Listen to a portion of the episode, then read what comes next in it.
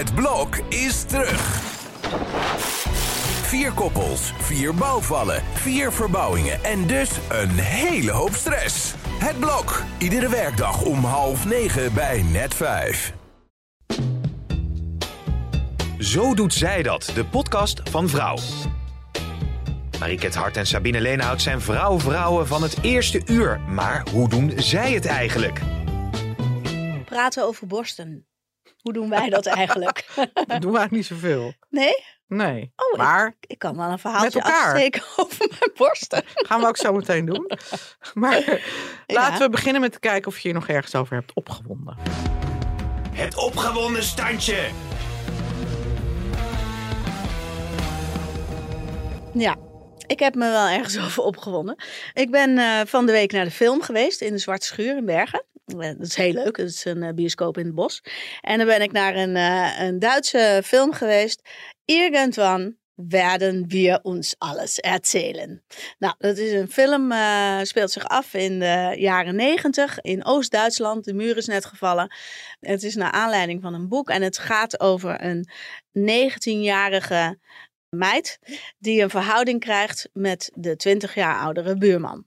Nou, toen ik de aankondiging van de film las, eh, toen dacht ik al, nou, ik weet niet of ik daar zin in heb. Nou, Maarten die sloeg aan op eh, erotische zomerse beelden.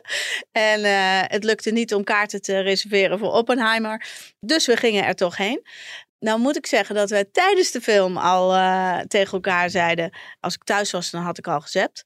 Maar goed, we hebben hem gewoon uitgekeken. En het gaat dus over die, die relatie tussen die meid en die vent. En het is hele ruige, keiharde seks. Hij verkracht haar iedere keer eigenlijk als hij er eh, tegenkomt. Toen ging ik naar de hand eh, ging ik de recensies lezen. En dan is de ene recensie nog beter dan de andere. Dat het echt een heel mooi verhaal is over animale liefde. En onmogelijke passie en eh, nou ja, noem maar op. En ik heb dat hele debakel zo anders beleefd. Ik vond het echt vreselijk. Ja? Ja, ik heb me daar best wel over opgewonden. Als ik dan Trouw en de Volkskrant en eh Telegraaf kon ik niet vinden. Die hebben hem helemaal niet. Het is echt zo'n filmhuisfilm. Niet gerecenseerd. Nou, men vond dat eh, dus over het algemeen dus wel een hele mooie onmogelijke liefde. Nou, ik vond het gewoon belachelijk. Maar goed. Dus, Maar denk eh, je dat het andersom was geweest als hij 20 jaar jonger was dan zij? En zij had hem verkracht de hele tijd? Nee, hij haar ook? Of ging het je om die verkrachting of om het Die- leeftijdsverschil? Nee, het ging me met name om de verkrachting. Dat ik echt dacht, nou, what the fuck. En het leek wel of Maarten een hele andere film gekeken had. Want ik ging dit aan iemand anders vertellen. Toen zei ik, nou. En toen eh, was ze de eerste keer bij hem geweest. Toen moest ze de volgende dag een sjaal om. Want eh, ze had de markering in de nek. Toen zei Maarten, nou, zo'n zuigzoen. Ik zeg, een zuigzoen? Hij had er gekeeld. Dus ze had helemaal een blauwe afdruk van zijn hand over de hele keel en links en rechts. Nou, het was gewoon te heftig. De derde keer dat ze met seks hadden, bloedde ze aan alle kanten. En dat was niet omdat ze ongesteld was of zo. Het was gewoon, het was vrij eh, ruig allemaal. Nou, ik vond die verheerlijking daarvan, eh, nou, was niet helemaal mijn ding. Ja, dat snap Kan ik. Maar daarom vraag ik, was die verheerlijking er ook geweest als het eh, andersom was geweest? Oh ja, geen idee. Zoals bijvoorbeeld, nou ja, we hebben nu natuurlijk zelf uh, Helene van Rooyen op de cover van de Glossy. Hij Mhm. is nog te koop, dames en heren. Oh ja, ja, ja. Ligt in de winkel met Helene in bad. Ehm, daarin vertelt ze ook dat er heel veel ophef was over het feit dat haar vriend 22 jaar jonger was. Ja, Stel, het was andersom geweest. Hij, hij was 20 jaar jonger misschien en zij was dominant geweest. Was, het, Ja, was die film dan net, zo, net zo verheerlijkt? Nou, daar kan ik niks zinnigs over nu- zeggen. Dat je- weet ik niet. Maar waarom ik dat vraag is dat, omdat er dus nu ook zo'n ophef is over het boek van Mette Maria van Dijk. Ja, Dat ja. heet Mimosa. ja, maar dat is racistisch, toch? Ja, dat wordt racistisch gevonden. Maar daarvan wordt er ook gezegd, omdat het een vrouw is die geniet van seks. Met eh, bruine is, piemels. ja, is daar veel meer hef, ophef over dan het boek wat een aantal jaar geleden verscheen. Van Robert Vuijs. ja, ja. Alleen maar nette mensen. Alleen maar nette mensen. Want dat is dan met het stereotype man gaat naar bed met heel veel donkere vrouwen. Nou, dat vinden mensen allemaal fantastisch. Vrouw wil graag naar bed met donkere mannen, vinden mensen racistisch. Man gaat naar bed, een soort Lolita met 20 jaar jongere vrouw, vinden mensen fantastisch. Alleen van Rooyen, 22 jaar jongere man, vinden mensen Minder. vies. Vies ook. Oh, dat is wel erg. Het zijn twee dingen dan. Hè? Het gaat er mij om dat zo'n meid, het lijkt wel in trance, weet je. Ze komt ook in de, in de eerste seksscène, komt zij uit een auto-ongeluk. Nou, het is, het is te bizar voor woorden. En dan gaat ze naar die vent. En dan verkracht hij er ook nog eens. Nou, dan komt ze dus niet helemaal van in de weriwari uh, weer bij haar vriendje terug. Nou, het is... ehm, Nou, het klinkt ehm, niet als een aanrader, deze film. Nee, ik vond het ook helemaal geen aanrader. Maar als je de recensies leest, dan zou het dus wel. Maar misschien ben ik gewoon niet kunstzinnig genoeg. Dat zal het zijn. Dat zal het zijn. Ik ben een cultuurbarbaar. ik wil gewoon, eh, ik wil ander soort. Je wilt gewoon gelijkwaardige seks. Gelijkwaardige seks. Ja. En, en in ieder geval niet eh, dat zij eh, met keel Nee, half en half verwurgd. Zeker niet in een tijd waarin één op de acht dagen een vrouw wordt vermoord door haar partner of ex-partner. Nee, precies. Ik vind het wonderlijk. Ja. We gaan het vandaag hebben over borsten. Waarom gaan we het hebben over borsten? Nou, het is Ja. eh, bijna oktober. ja. En dat is de, van oudsher borstkankermaand. Mhm. En wij hebben volgende week ook hebben wij een themanummer over borstkanker in vrouw. ja, Daar heb jij zelf ook twee verhalen eh, voor geschreven. Misschien zeker. wil je daar wat meer over vertellen? Daar heb ik het grote interview met eh Chimène van Oosterhout gemaakt. En Chimène heeft ehm, in totaal drie keer borstkanker gehad. Verschillende soorten. Heeft eh, dat eh, overleefd. En eh, kreeg als gevolg van de ehm, bestraling ook nog een zware hartverknettering daaroverheen. En ehm, dat heeft ze al eerder gehad. En nu heeft ze dat afgelopen zomer nog een keer gekregen. En ehm, nou, daar vertelt zij heel uitgebreid over. Dus dat is verhaal 1. En verhaal 2 gaat over mijn ervaring ehm, in de borstenbus. Dus ze kreeg een oproep vanuit het eh, om eh, mijn borsten te laten checken. En daar was iets eh, mis. Uiteindelijk eh, was er niks, gelukkig niks aan de hand. Maar er zijn gewoon helaas best wel veel vrouwen die de oproep negeren. Ik moest ook meteen denken, en dat schrijf ik in het verhaal ook, aan eh, Isa Hoes, die ook haar oproep negeerde en dus uiteindelijk wel borstkanker bleek te hebben. Eén op de zeven eh, hebben ermee eh, te Ja, maken. één op de zeven vrouwen krijgen borstkanker. Ja. En je ziet op social media toch ook wel veel oproepen van vrouwen die zeggen dat borstkankeronderzoek moet anders. Ik ga niet naar de titelpletter, want het doet te veel pijn. Of die gaan zelfs op zoek naar andere methoden, zoals thermogolf of weet ik veel, die door de borstkankervereniging ja, toch als onbetrouwbaar worden gezien. Oké. En ook bij ons op de site zeggen vrouwen soms, ik vind het onderzoek te pijnlijk, ik laat het niet doen. Hm. Nou, dan Te- kunnen ze altijd nog een echo aanvragen. hè? Ja, nou, ik weet bijvoorbeeld, mijn eh, overbuurvrouw, die is denk ik 75, die ging met rugklachten naar de dokter. Die bleek ook uitgezaaide borstkanker te hebben. Hmm. Dus ik zeg tegen haar, ging u nooit naar het bevolkingsonderzoek? Nee, zei ze, dat vond ik te pijnlijk. Oh, echt? Je borsten eraf laten halen, dat lijkt me echt nog veel pijnlijker. Ja, precies. Ik heb zoiets ja, het doet inderdaad pijn. Mhm. Maar ja, beter even pijn dan borstkanker. Ja, tenminste, en dan het is ook wel betrekkelijke pijn, hè? Ja, Weet je, zodra die klem er weer af is, eh, doet het eh, geen pijn meer. Maar ik heb ook in het stuk geschreven dat ik van mening ben dat als mannen dit soort onderzoeken eh, zouden moeten ondergaan, dan was er al lang iets anders verzonnen. Dat zou anders Nou, geregeld je, hebt niet, worden. je hebt niet van die dingen voor eh, prostaatkanker dat je scrotum... Nee, zet je zak er even tussen. Jeetje, Mina. Nou, dan zullen ze wel anders piepen. Werkelijk, ja. Ja. Maar je, je hebt wel een paar angstige dagen gehad. Ik heb zeker angstige dagen gehad. En ik kan dat dan wel redelijk goed uitbannen. Zo'n weekend eh, staat voor mij dan niet helemaal in het teken daarvan. Eh, ik kan zo'n probleem echt wel parkeren en er pas eh, mee aan de slag gaan op het moment dat het opportun is. Maar dat zit niet bij iedereen in zijn systeem. Hè? Ik kan me ook voorstellen dat er vrouwen zijn die, net als ik, op donderdag een onderzoek hebben en dan tot maandag moeten wachten en dan een- weekend uit de hel hebben. Ja, dat kan ik me ook Ehm, voorstellen. en dat had ik niet echt. Ja. Ik ging nog wel even lekker met Titi vieren hoor, dat weekend. Ik heb zelf ook een keer gehad, hè, dat het eh, onderzoek dat ze zeiden er zit iets geks in die borst. Mhm. En dat ik dus inderdaad eh, een echo. En toen wisten ze nog niet wat het was. Dus toen werd ik meteen ook met spoed eh, doorgestuurd naar de VU. Mhm. En eh, kwam ik dus ook echt op de borstkankerafdeling. Gingen ze een biopt laten maken. En toen waren ze nog niet zeker. Toen moest ik een hele MRI-scan. Oeh, dat is nog, Dus hè, dat het is was veel echt, heftiger, ja, joh. dat heeft ook allemaal echt een week of twee geduurd voordat ze erachter kwamen dat het goed aardig was. Mm. Maar van die bezorgde gezichten, nou, zit echt een heel raar dingetje in. Dat ik echt dacht, nou, het is gewoon foute boel. eh. Ja joh.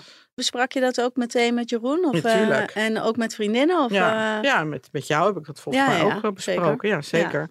En dan heb je ook inderdaad dat je over je eigen borsten nadenkt. En dat je denkt, ja, zoals dat je, jij net zegt, van je tieten vieren. Mhm. Dat je denkt, nou, dat lijkt me toch wel echt heel erg naar als ik een van mijn borsten zou moeten missen. Voor dat artikel heb ik daar ook wel wat dieper over na moeten denken. En mijn borsten zijn ook wel deel van mijn identiteit. Ik heb altijd wel stevige borsten gehad. Uh, uh, ja, jij ook. Mhm. Um, ze zijn ook door degene die ze bloot hebben gezien en daarmee mochten, aan mochten rammelen. zijn, ze ook, zijn ze ook wel uh, geroemd, zeg maar. Mhm. En, en mooi bevonden. Dus ik heb dat ook wel onderdeel gemaakt van mijn, een beetje van mijn identiteit. En in ieder geval van mijn vrouwelijkheid. Toen ik echt zo na aan het denken was, uh, ook voor dit artikel tijdens het schrijven, dat als ik die borsten zou moeten missen, dan heb ik daar wel heel wat praatsessies uh, voor nodig om dat los te koppelen van wie ik ben. Dat ik meer ben dan alleen mijn tieten. En dat weet ik rationeel ook wel, maar daar, ja, nou, ik zal ze wel missen, zeg maar. Ja, nou ja, ik ben ook iemand, ik draag gewoon graag decolletés en hemdjes. En ja, gewoon, ja, je moet je pluspunten benadrukken. Mm -hmm. En dat vind ik van mijn borsten zeker. Dus ik draag ook gewoon graag ja, mooie blouses, shirtjes, jurkjes, uh, waarin je ook uh, een decolleté hebt. Ja. Voor mij zijn mijn borsten heel wezenlijk uh, belangrijk. Mm -hmm. Dus ja, dat zou ik ook echt verschrikkelijk vinden ja. als me dat zou overkomen. Wat voor cup heb jij? Ik ben weer aan het afvallen, maar uh, ik heb eigenlijk een grote C. 80, 85 C. Ja. Als ik dikker ben, dan heb ik een D. Nu ben ik weer, weer afgevallen. En dus nu heb ik weer een uh, grote C. En moet je ook een nieuwe BH's nu kopen? ja. ja, echt.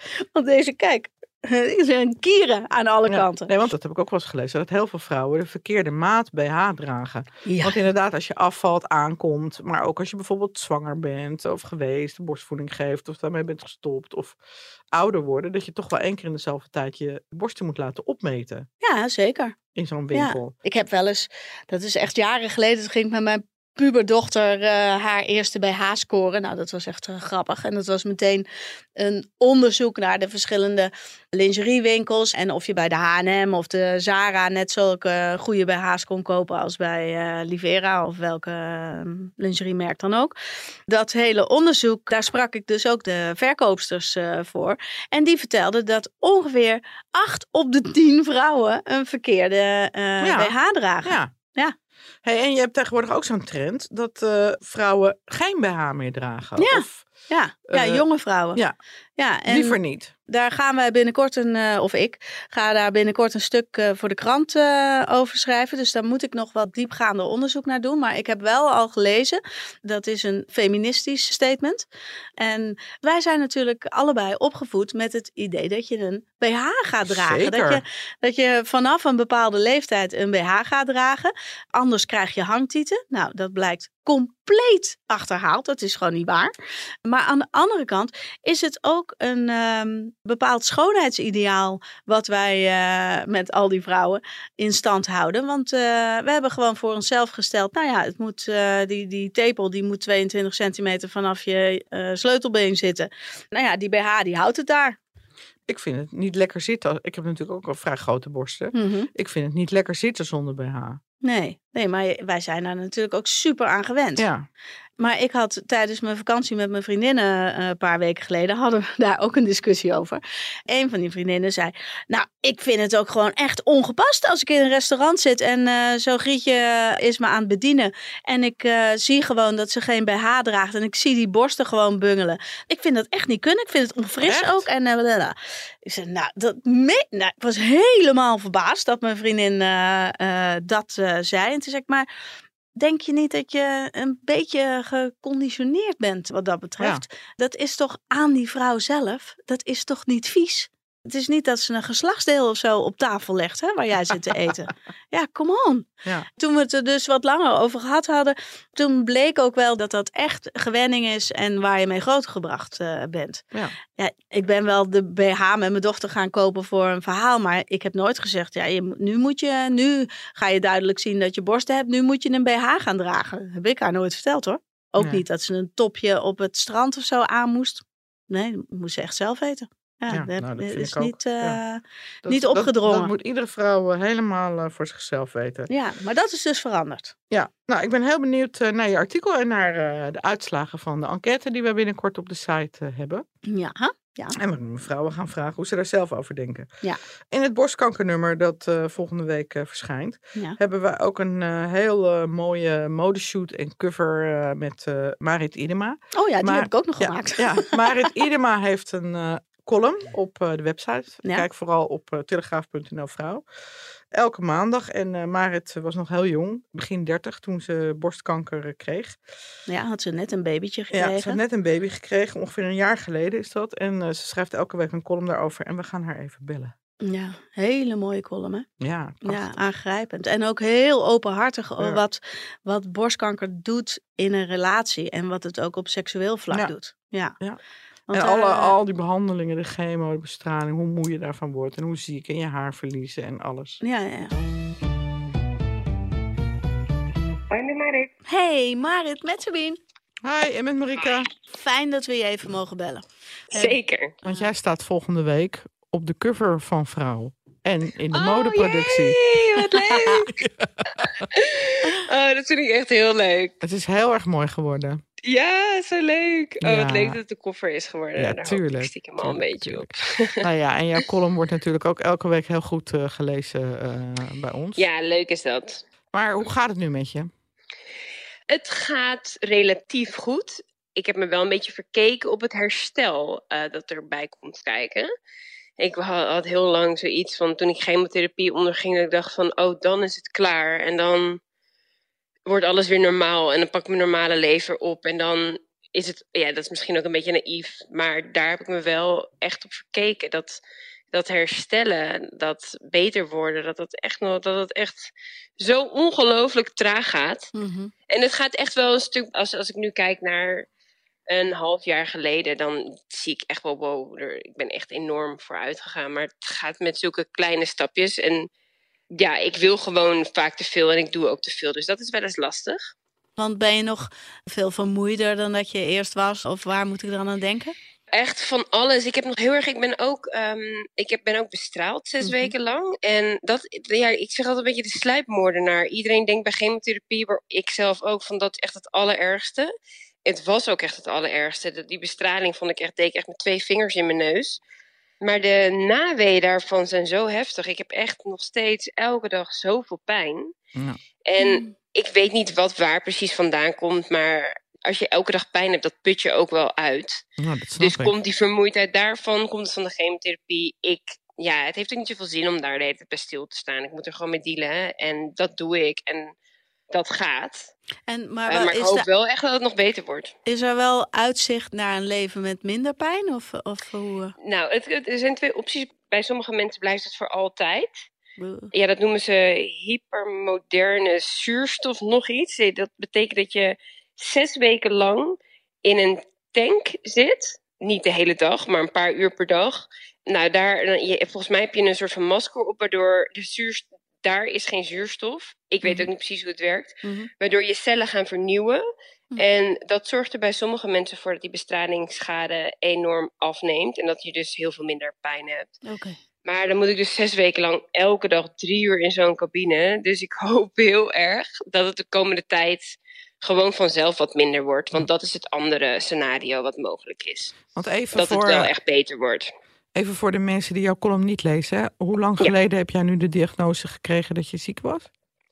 Even kijken, nu anderhalf jaar geleden. Oké, en sinds wanneer ja, ben je eh, klaar met de behandelingen, met de bestraling? Even denken, ik ben nu... Nou, ik ben sowieso, moet ik nog vijf jaar lang hormoontherapie gebruiken. Dus ik ben eigenlijk pas officieel klaar over nu 4,5 jaar. Maar mijn laatste chemotherapie was acht maanden geleden uit mijn hoofd. Oh, Ik kan me voorstellen dat je denkt, oh, ik ben er eindelijk met alles klaar. En dan, ja, dat je, Ja, dat je dan kijkt gewoon zo erg uit naar, dat, naar die laatste chemo, omdat dat gewoon zo'n mijlpaal is. En dat Mhm. was het ook natuurlijk. Ik bedoel, het gaat wel echt vanaf dat moment in een gestaagde lijn omhoog. Maar ja, er komt toch wel best wel veel bij dat herstel kijken. Ook vanuit je omgeving, weet je. Iedereen heeft zoiets, nou, je bent er weer. Het was even zwaar, maar eh, nou, nu kan je weer een beetje meedoen. Niet iedereen hoor, maar mijn vriend vond het wel gewoon heel... Toen ik chemotherapie ondergingen, was het voor hem heel duidelijk van oké, jij bent ziek en je bent er gewoon nog niet helemaal. En vanaf het moment dat ik dus zeg maar klaar was, had hij zoiets van nou, nu uh, ben je weer de partner waar ik, uh, al die die ik al die jaren heb gehad. Dus dat, tussen ons was dat ook wel, en nog steeds is dat ingewikkeld, omdat ik niet meer zichtbaar ziek ben. Nee. Nee. nou ben je heel openhartig ook uh, in je columns over je relatie en ook over jullie seksualiteit. Ja. Kun je daar voor de mensen die dat dan niet lezen iets uh, over kwijt? Hoe is dat dan nu tussen jou? Je hebt uh, mij ook verteld voor het interviewtje wat bij de modereportage ja. zit, dat een van je borsten aan de onderkant echt wel stevig gehavend is. Daar moet je zelf aan wennen. Daar moet je zelfs naar je man toe aan Ja. wennen. Hoe, hoe gaat dat nu? Dat is nog steeds echt een enorm pijnpunt tussen ons. En, want ja, voor hem, wat ik net al zei, weet je, ik begin er langzaam weer zeker weer als mezelf uit te zien. Waardoor bij Mhm. hem, ik bedoel, als iemand chemotherapie ondergaat, ja, dat zorgt er ook wel voor dat de lust aan de kant van de partner natuurlijk ook een laag pitje zit. Want Mhm. het is allemaal natuurlijk niet heel eh, lustverhogend, om het maar even zo te zeggen. Nee. Maar nu is dat bij hem wel weer. Dus, dus hij heeft eigenlijk weer zijn oude behoeftes terug. Maar bij mij, ja, het is, het is ook best ironisch. Ik ben altijd iemand geweest met ja, veel zin in seks. En seks is altijd heel belangrijk voor me geweest. Ik schreef erover. We experimenteerden veel. Maar nu is dat gewoon allemaal. Ja, ik ben in de overgang. Dat zorgt ervoor droogheid down under. Ik heb veel infecties daardoor. Hmm. En daarbovenop komt die borst nog. Dat ik eigenlijk niet meer naakt ben zoals ik vroeger naakt kon zijn. De onbevangenheid is daar, is daar echt af. Ik weet wel dat ik me niet hoef te schamen, maar ik schaam me toch. Ja. Ik kan me ook voorstellen dat het best moeilijk is op jouw leeftijd, omdat borstkanker natuurlijk vaak dus het voorkomt bij 50-plus Ja. vrouwen. Ja, dat je misschien ook weinig gehoor vindt bij leeftijdsgenoten. Kijk, ik denk dat, dat, dat mijn vriendinnen begrijpen wel dat een borst belangrijk is voor een vrouw. Maar overal bijvoorbeeld, ik post ook wel geregeld daar iets over. Gelukkig zit het bij mij niet in mijn decolleté. Daarin heb ik wel echt geluk. Dus je ziet het ook niet zo snel als ik kleding aan heb, zie je het niet. Mhm. Dat is wel heel fijn. Maar als ik er iets over post of er iets over vertel, dan is toch wel heel snel de strekking van je moet je mond houden, want je leeft nog en wees dankbaar. Terwijl, tuurlijk, is dat ook wel, ja, wel vaak. En dat, dat is goed bedoeld hoor, overigens. Maar dat is wel gewoon, daar zit wel veel onbegrip. Dat hoe belangrijk een borst is voor een jonge vrouw. Ja, Mhm. ik denk dat dat. Ik denk dat een borst belangrijk is voor een vrouw van elke leeftijd. Maar ik denk wel, hoe jonger je bent, hoe pijnlijker misschien. Maar Ja. ik denk dat het op latere leeftijd ook nog heel pijnlijk is. Dat, dat, tast speelt. je aan in, in je gevoel van vrouw zijn. Oh, nou. Ik val er eigenlijk helemaal een beetje stil van. dat had ik de vorige keer ook. Ja. Nee, oké, maar Ja. kijk, ik bedoel, een positieve side note is wel dat bij mij een reconstructie waarschijnlijk een mogelijkheid is. Mhm. Op dit moment heb ik nog te veel last van bestralingsschade. Dat betekent dat mijn hele borst vol met vocht zit, waardoor ze eigenlijk niet zo goed kunnen zien hoe het nou allemaal zit. Ja. En wat nog beter wordt en wat gewoon definitieve schade is. Ja. Maar als dat straks wat rustiger is, dat vocht dat, dat schijnt in het eerste jaar na de bestraling af te nemen, dan kan ik waarschijnlijk een reconstructie krijgen met lipofilling, dus dat is eigen vetweefsel. Ja. Dus dat halen ze uit je benen en dat stoppen ze in je borst. En ik hoor hele gemengde verhalen daarover. Een van mijn, mijn plastische chirurg in het ziekenhuis, die zei tegen mij, je hebt een kans van 10% dat het ook maar iets uithaalt. Dat weefsel bij jou is zo beschadigd, dat gaat het nooit worden. Maar ik heb nu een plastische chirurg gevonden bij een privékliniek die zegt nee, die kans is veel groter. Dus wat de uitkomst is, dat, dat moet de toekomst eh, uitwijzen. Maar ik hoop wel heel erg dat er nog wat aan te doen is. Het is Ja. niet zo dat ik nu al zoiets heb van, oh, ik moet hiermee leren leven. Dat kan ik op dit moment ook nog niet. Ik heb echt gewoon nog zoiets van, dit gaat beter worden. Dit moet beter worden. Ja, en ik ga daar echt alles aan doen. Ja, nou, je zit er in ieder geval positief in. Daar gaan wij eh, volledig in met je mee.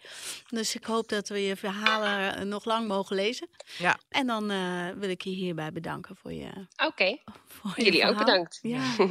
nou, Heel veel sterkte toch? ja. En eh, nou ja, we blijven je volgen. ja. Dankjewel. Yes. Dankjewel. Thank you, ladies. Dag. Oh, Heftig hè? echt. Ik vind het zo heftig. Zo jong. En, 32 was ze toen Ja. ze eh, knobbeltje in de borst ontdekte. En ja, en net mama. En net moeder. Ja. En dan ook in de overgang, jeetje man.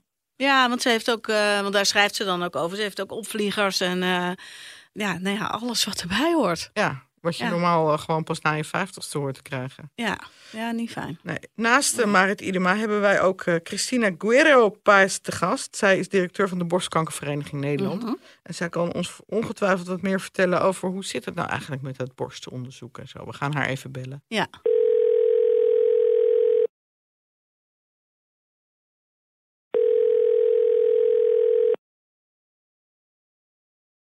Met Christina. Dag Christine, goeiedag. Je spreekt met Sabine Leenhout. En met Marieke het Hart. Wij zijn van Vrouw van de podcast. Ja, hi, hallo. We hebben het net gehad over dat veel vrouwen vinden het uh, bevolkingsonderzoek zo vervelend. Een Ja. mammografie. Maar het is wel het meest betrouwbare onderzoek. Klopt dat? Op dit moment wel, ja. Ja, tenminste voor, eh, gewoon voor eh, de gemiddelde vrouw, zou ik maar zeggen. Mhm. Is dit eh, eh, de manier nou ja, waarop binnen Europa en wereldwijd wel gezegd wordt dat het eh, een goede manier is om te screenen op eh, mogelijke borstkanker? Zou alleen een echo eh, niet afdoende zijn? Nee, dan heb je niet voldoende zuiverheid altijd. Mm. En een thermografie lees je soms ook over op social media. Die is ook niet altijd betrouwbaar genoeg. Ja. Nee. Kijk, daar hebben de wetenschappers met elkaar naar gekeken. En die eh, hebben gekeken van ja, welke manier van onderzoek eh, is het meest betrouwbaar. En dat is toch, toch mammografie op dit moment. Ja. Voor gemiddeld genomen, hè? Ja. Dus zeg ik nogmaals. Ja, uitzonderingen daar gelaten. Soms is een echo wel beter, soms is een eh, MRI beter. Maar over het algemeen genomen is een mammografie het beste voor de screening van de hele bevolkingsgroep. Is eh, borstkanker nou de meest voorkomende kankersoort bij vrouwen? En het wordt alleen maar, eh, volgens mij zie je dat zelfs in landen, meer Midden-Oostenlanden en dergelijke, het heel hard aan het toenemen is ook. Oh. Ja, in binnen Europa is het al wel jaren dat ongeveer 1 op de 7. Mhm. Mhm. Eh, maar nu langzaamaan zie je in dat soort eh, landen door eh, welvaart, andere manier van leven, andere leefstijl, dat daar ook eh, roken bijvoorbeeld, dat er ook meer eh, borstkanker aan het ontstaan is. Want je leefstijl want heeft eh, invloed op borstkanker. Je zegt net roken. Wat dan nog meer? Kan het hebben. Ja, Ja. leefstijl kan invloed hebben. Hè. Kijk, het is allemaal de, de kans kan vergroot worden. En vervolgens of je wel of niet daadwerkelijk borstkanker ontwikkelt, ja, dat hangt er weer vanaf hoe je lijf reageert. En die sleutel hebben we nog niet gevonden. We weten wel dat inderdaad als je rookt, als je een heel hoog BMI hebt, maar bijvoorbeeld ook of je wel of niet kinderen krijgt, op welke leeftijd, of je ze wel of niet borstvoeding geeft. Dat zijn allemaal factoren die van invloed zijn op het, de kans op het vergroten van het ontstaan van borstkanker. Alcohol lees ik ook wel. Ja, nou, ook voor een deeltje. Kan, hè? Ja. Ja, kan, begrijp ik. Kan je dan zeggen van ja, het is goed om je leefstijl aan te passen om de kans te verkleinen? Of zeg je ja, de kans is zo klein, het maakt eigenlijk niet zoveel uit. Wij zeggen altijd tegen iedereen: maak een eigen afweging. Dus wees bewust hè, van. eh, er zijn mensen die zeggen: ja, ik wil heel graag heel oud eh, worden en heel gezond. Dus ik wil alle kansen minimaliseren. Nou, ga ervoor. En er zijn mensen die zeggen: ja, het eh, verkleint de kans iets, maar ik weet toch niet of en wat. Dus dan kies ik voor een andere leefstijl. Mhm. Maar denk erover na. En sommige dingen hebben een veel grotere impact dan andere. Kijk, erfelijke aanleg bijvoorbeeld. Ja, dat gaat echt om uh, 80% of meer. Ja, dat is wel heel erg groot dan die kans. Mhm. En sommige andere dingen gaat om uh, verhoudingsgewijs een paar procent. Ik heb nog één vraag. Uh, zelfonderzoek, heeft dat zin?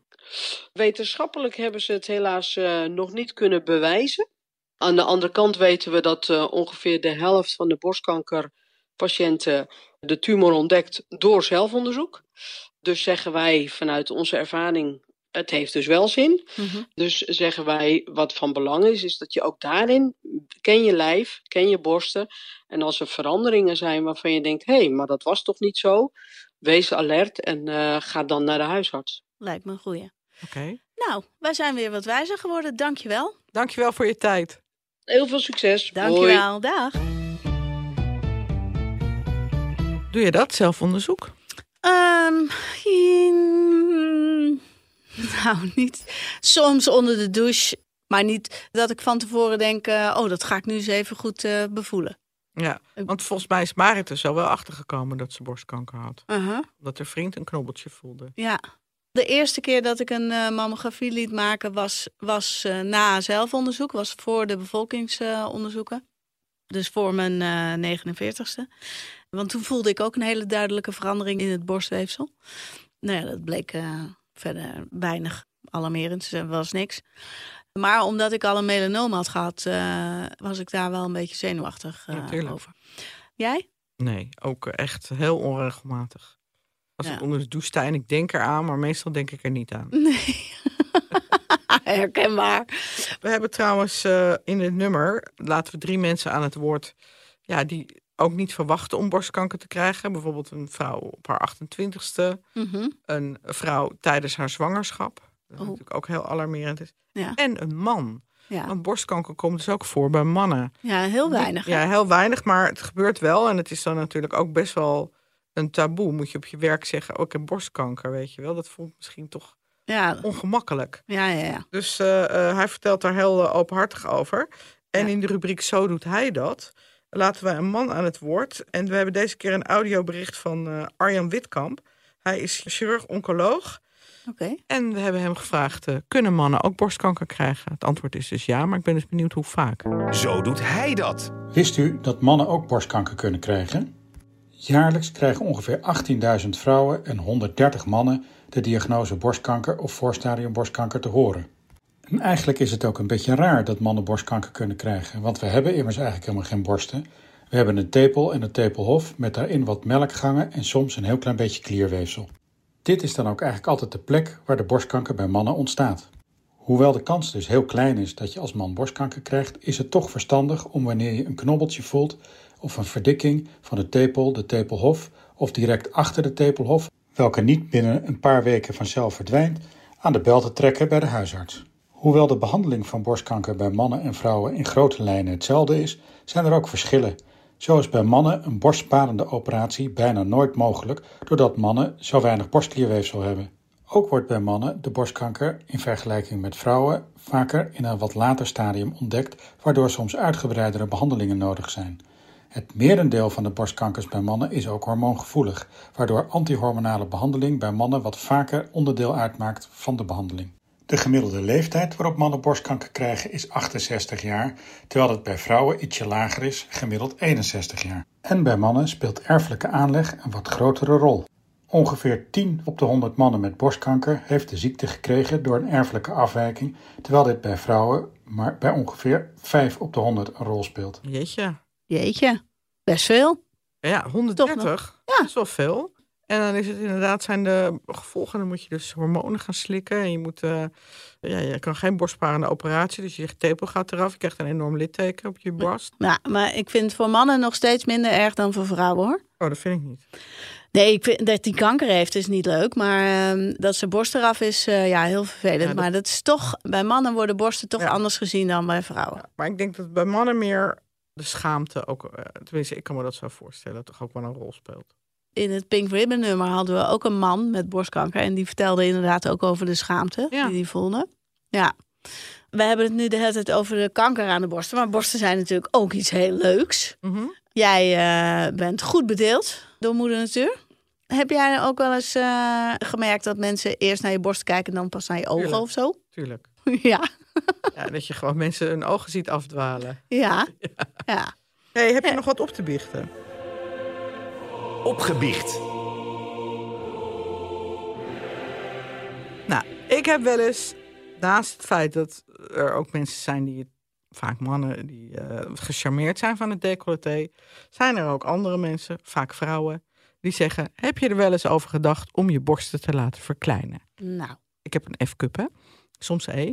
EF hangt ook een beetje van mijn gewicht af. Daar heb ik eh, nog nooit over nagedacht, want ik heb er geen last van. Ik draag goede, dure BH's, maar daar doe je dus ook heel lang mee. mhm. En gewoon met, met stevige bandjes en eh, die er ook leuk uitzien. Wat echt wel fijn is, want ik weet nog wel dat ik... Ik had al vrij jong grote borsten en dan moest ik in van die afschuwelijke huidskleurige dingen lopen. Dus ik was heel blij eh, dat dat assortiment werd uitgebreid. Want de HEMA heeft echt pas sinds een paar jaar groter dan D, hè? Oh, echt? Ja. Oh, dat wist ik. Dus het was heel lang eh, dat ik echt moest zoeken in speciaalzaken voor een beetje een leuke BH. En gelukkig kwam 30 jaar geleden Marlies Dekkers, die BH's ging maken voor grote maten. En ik, ik draag, ja, ik wil geen reclame maken, maar daar vind ik zeker altijd wat van mijn gading eh, in haar collectie. Oh, dat is fijn. Maar goed, dat is niet opgewicht. De opgewicht is dus dat mensen dus soms aan mij vragen van laat je je borsten eh, niet verkleinen. Heb je geen last van je rug, je schouders of eh, nou. Dus er is een fotograaf, die werkt veel voor ons, Verriet. En die had foto's van mij gemaakt. En ik zei, joh, Verriet, kan je mij eens een keer met kleinere borsten shoppen? Dan kan ik kijken hoe dat eruit ziet. Mhm. Dus ja, zei hij, tuurlijk doe ik. Dus hij maakte mijn borsten eh, twee, drie cupmaten kleiner. En wat gebeurde er? Mijn decolleté werd niet alleen minder, maar mijn taille leek ook minder Breder. smal, leek breder. Want door grote borsten en decolleté lijkt je taille smaller. Dus ik was heel blij dat ik dat kon vragen en niet zo'n afschuwelijke operatie moest ondergaan. Want eh, ik vond mezelf veel mooier met dikke Met borsten. grote borsten. Oh, wat goed. Nou, mijn opgewicht eh, zit een beetje in eh, andersom. In het verlengde van jouw verhaal. Want eh, ik ben jaren geleden ging ik naar een ehm plastisch chirurg. Want die had namelijk iets nieuws op de markt gebracht. En dat was een 3D-manier van fotograferen. Waardoor je dus borstenscan kon laten maken. En dan kon hij meteen laten zien hoe het eruit zag als je het zou laten vergroten of verkleinen. Dus ik moest daar naartoe. Het was overigens een ontzettend knappe arts. En stond ik daar in mijn spijkerbroek. Nou, eh, doe je bovenkleding maar uit. Stond ik daar in mijn blote tetas. Hij maakte met zijn, eh, nou het leek op een iPad, maar zo'n soort eh, apparaat. Maakte die wat foto's eh, rondom. Dat laadde die in in zijn computer. En toen kreeg ik dus uiteindelijk echt zo'n torso foto. Waar je armen dan af zijn en je hoofd is eraf. Van zoals ik er normaal uitzag. En toen ging je er dus cc'tjes instoppen. En die foto's die kreeg ik ook mee. toen dacht ik al, hmm, dat ziet er best wel eh, goed uit. Want inderdaad, als ik een flinke D heb, dan eh, lijkt mijn middel ook eh, slanker. En dan zie je er dus gewoon veel dunner uit eigenlijk, hè, met de grote tieten. En ik laat dat zo aan Maarten zien. En zegt Maarten, die zegt, ja, nou dat is misschien wel het overwegen waard. Nou, toen kon ik hem wel kelen. Ja, maar nu, nu zijn ze toch ook mooi? Ja, hij vond ze nu ook mooi. Maar eh, nog groter eh, vond hij eh, toch ook wel leuk. Maar dan wel groter en geen dikkere reet. Dat, dat is vaak de consequentie. ja, dat is heel je vaak. kan nu de 10 kilo aankomen, dan krijg je wel dikkere tieten, maar dan wordt de rest ook dikker. Ja, precies. Precies. ja, nou, dat was mijn opgewicht. De Zo Doet Zij Dat kijktip. En eh, we hebben natuurlijk ook nog kijktips. Ja, zeker. leuk. Nou, ik zit weer helemaal in oogappels. Vind het weer heerlijk. Oh. Ja, echt, wat is het toch een fijne serie. Ja, Jij? hè? Ja, ik ben ook oogappels aan het kijken. Ik vind het fantastisch. Ik vind het zo leuk ook nu. Want ze zitten al in seizoen 5 inmiddels. Dus als je het nog nooit gekeken hebt, je kunt het op NPO Plus. Kun je het gewoon lekker helemaal terugkijken. Ook als je En- geen pubers hebt, want het gaat natuurlijk over ouders en grootouders met pubers. Maar ook als je geen pubers hebt, is het heel hilarisch. De point of view verandert steeds. De grootouders spreken over hun eigen kinderen en over de kleinkinderen. En over hoe zij maatschappelijke problemen ook wel eh, bezien. Je groeit als kijker mee met de personages. Want die zijn dus al vijf eh, eh, seizoenen hetzelfde. Daar wisselen wat relaties in. Maar die kids, die worden dus ook allemaal ouder. En dat is leuk om met ze mee op te groeien. En die problemen worden dus ook van nu. Echt op een hele leuke manier eh, vind ik het gedaan. Echt knap. Maar ehm, aangezien ik dezelfde eigenlijk wilde tippen, kwamen wij achter vanmorgen. Ga ik een andere tippen en dat is eh, op Netflix. En dat is de serie eh, documentaire reeks Breakpoint. En ehm, ook als je niet van tennis houdt, is dit een superleuke documentaire, vind ik. Het gaat over tennissers die nu de Grand Slam toernooien aan het eh, spelen en winnen zijn. Dus echt de top 10 van de wereld, mannen en vrouwen. En het lijkt altijd zo ehm, glamorous. En, eh, maar die, het leven van een topsporter is natuurlijk helemaal niet zo glamorous. Die zijn vooral heel veel aan het trainen. Maar het is ook heel grappig om een inkijkje te krijgen in hoe, ze, hoe hun leven er dan uitziet. En er zit ook een stelletje in en dat is al helemaal grappig om te bekijken. En die zie je dan in een hotelkamer waar al die tenniszooi ligt en zo. Nou, het is echt heel grappig. Breakpoint op Netflix. Heel Oké, leuk. nou, Ja, gaan we naar leuk. kijken. Ja. Over twee weken zijn we er weer. Ja, Dank voor het luisteren. Tot de volgende keer. En eh, vergeet niet een paar sterren te geven in je favoriete podcast app. En wil je de columns van Marit lezen? Die zijn te vinden op eh, www.vrouw.nl. zeker. En eh, de nieuwe glossje ligt nog steeds in de winkels. Ja, met Dus, Helene van met Rooyen. Helene van in bad. op de cover. Oh, er zitten zulke spannende dingen in. Het overall denkthema was Pretty Woman. Ook een beetje naar aanleiding van de film en uh, de musical die momenteel draait. En daardoor dachten wij, ja, het is wel heel leuk om bijvoorbeeld meer van die knappe Richard Gere-achtige types te laten zien. Dus we hebben van die mooie grijze mannen zitten erin. Maar ook vrouwen die uh, in de seksindustrie werken. Zoals Pretty Woman natuurlijk ook deed. Mm -hmm. En uh, daar hebben we er weer vijf van gevonden die uh, heel openhartig vertellen over hun werk. En dat wat hen bezighoudt. Nou ja, en dan een heel mooi interview met Helene. Ja. En nog veel meer. Dus uh, ik zou zeggen, ga hem halen of neem een abonnement. Dat is nog veel goedkoper, want in de winkel betaal je bijna 7,5 euro. Dat moeten we wel vragen, want anders komen we gewoon niet uit de kosten. Maar als je een abonnementje neemt, dan kost het maar 3,50 per nummer. Dus, uh, het eerste jaar? Nou nee, als je een driejarig abonnement neemt, dan is hij zelfs nog goedkoper. Want dan kost het 18 euro per jaar ja. voor zes nummers. Ja. Ik weet niet. Sla je slag? Toch? Nou. nou, tot de volgende. Doei! doei doei.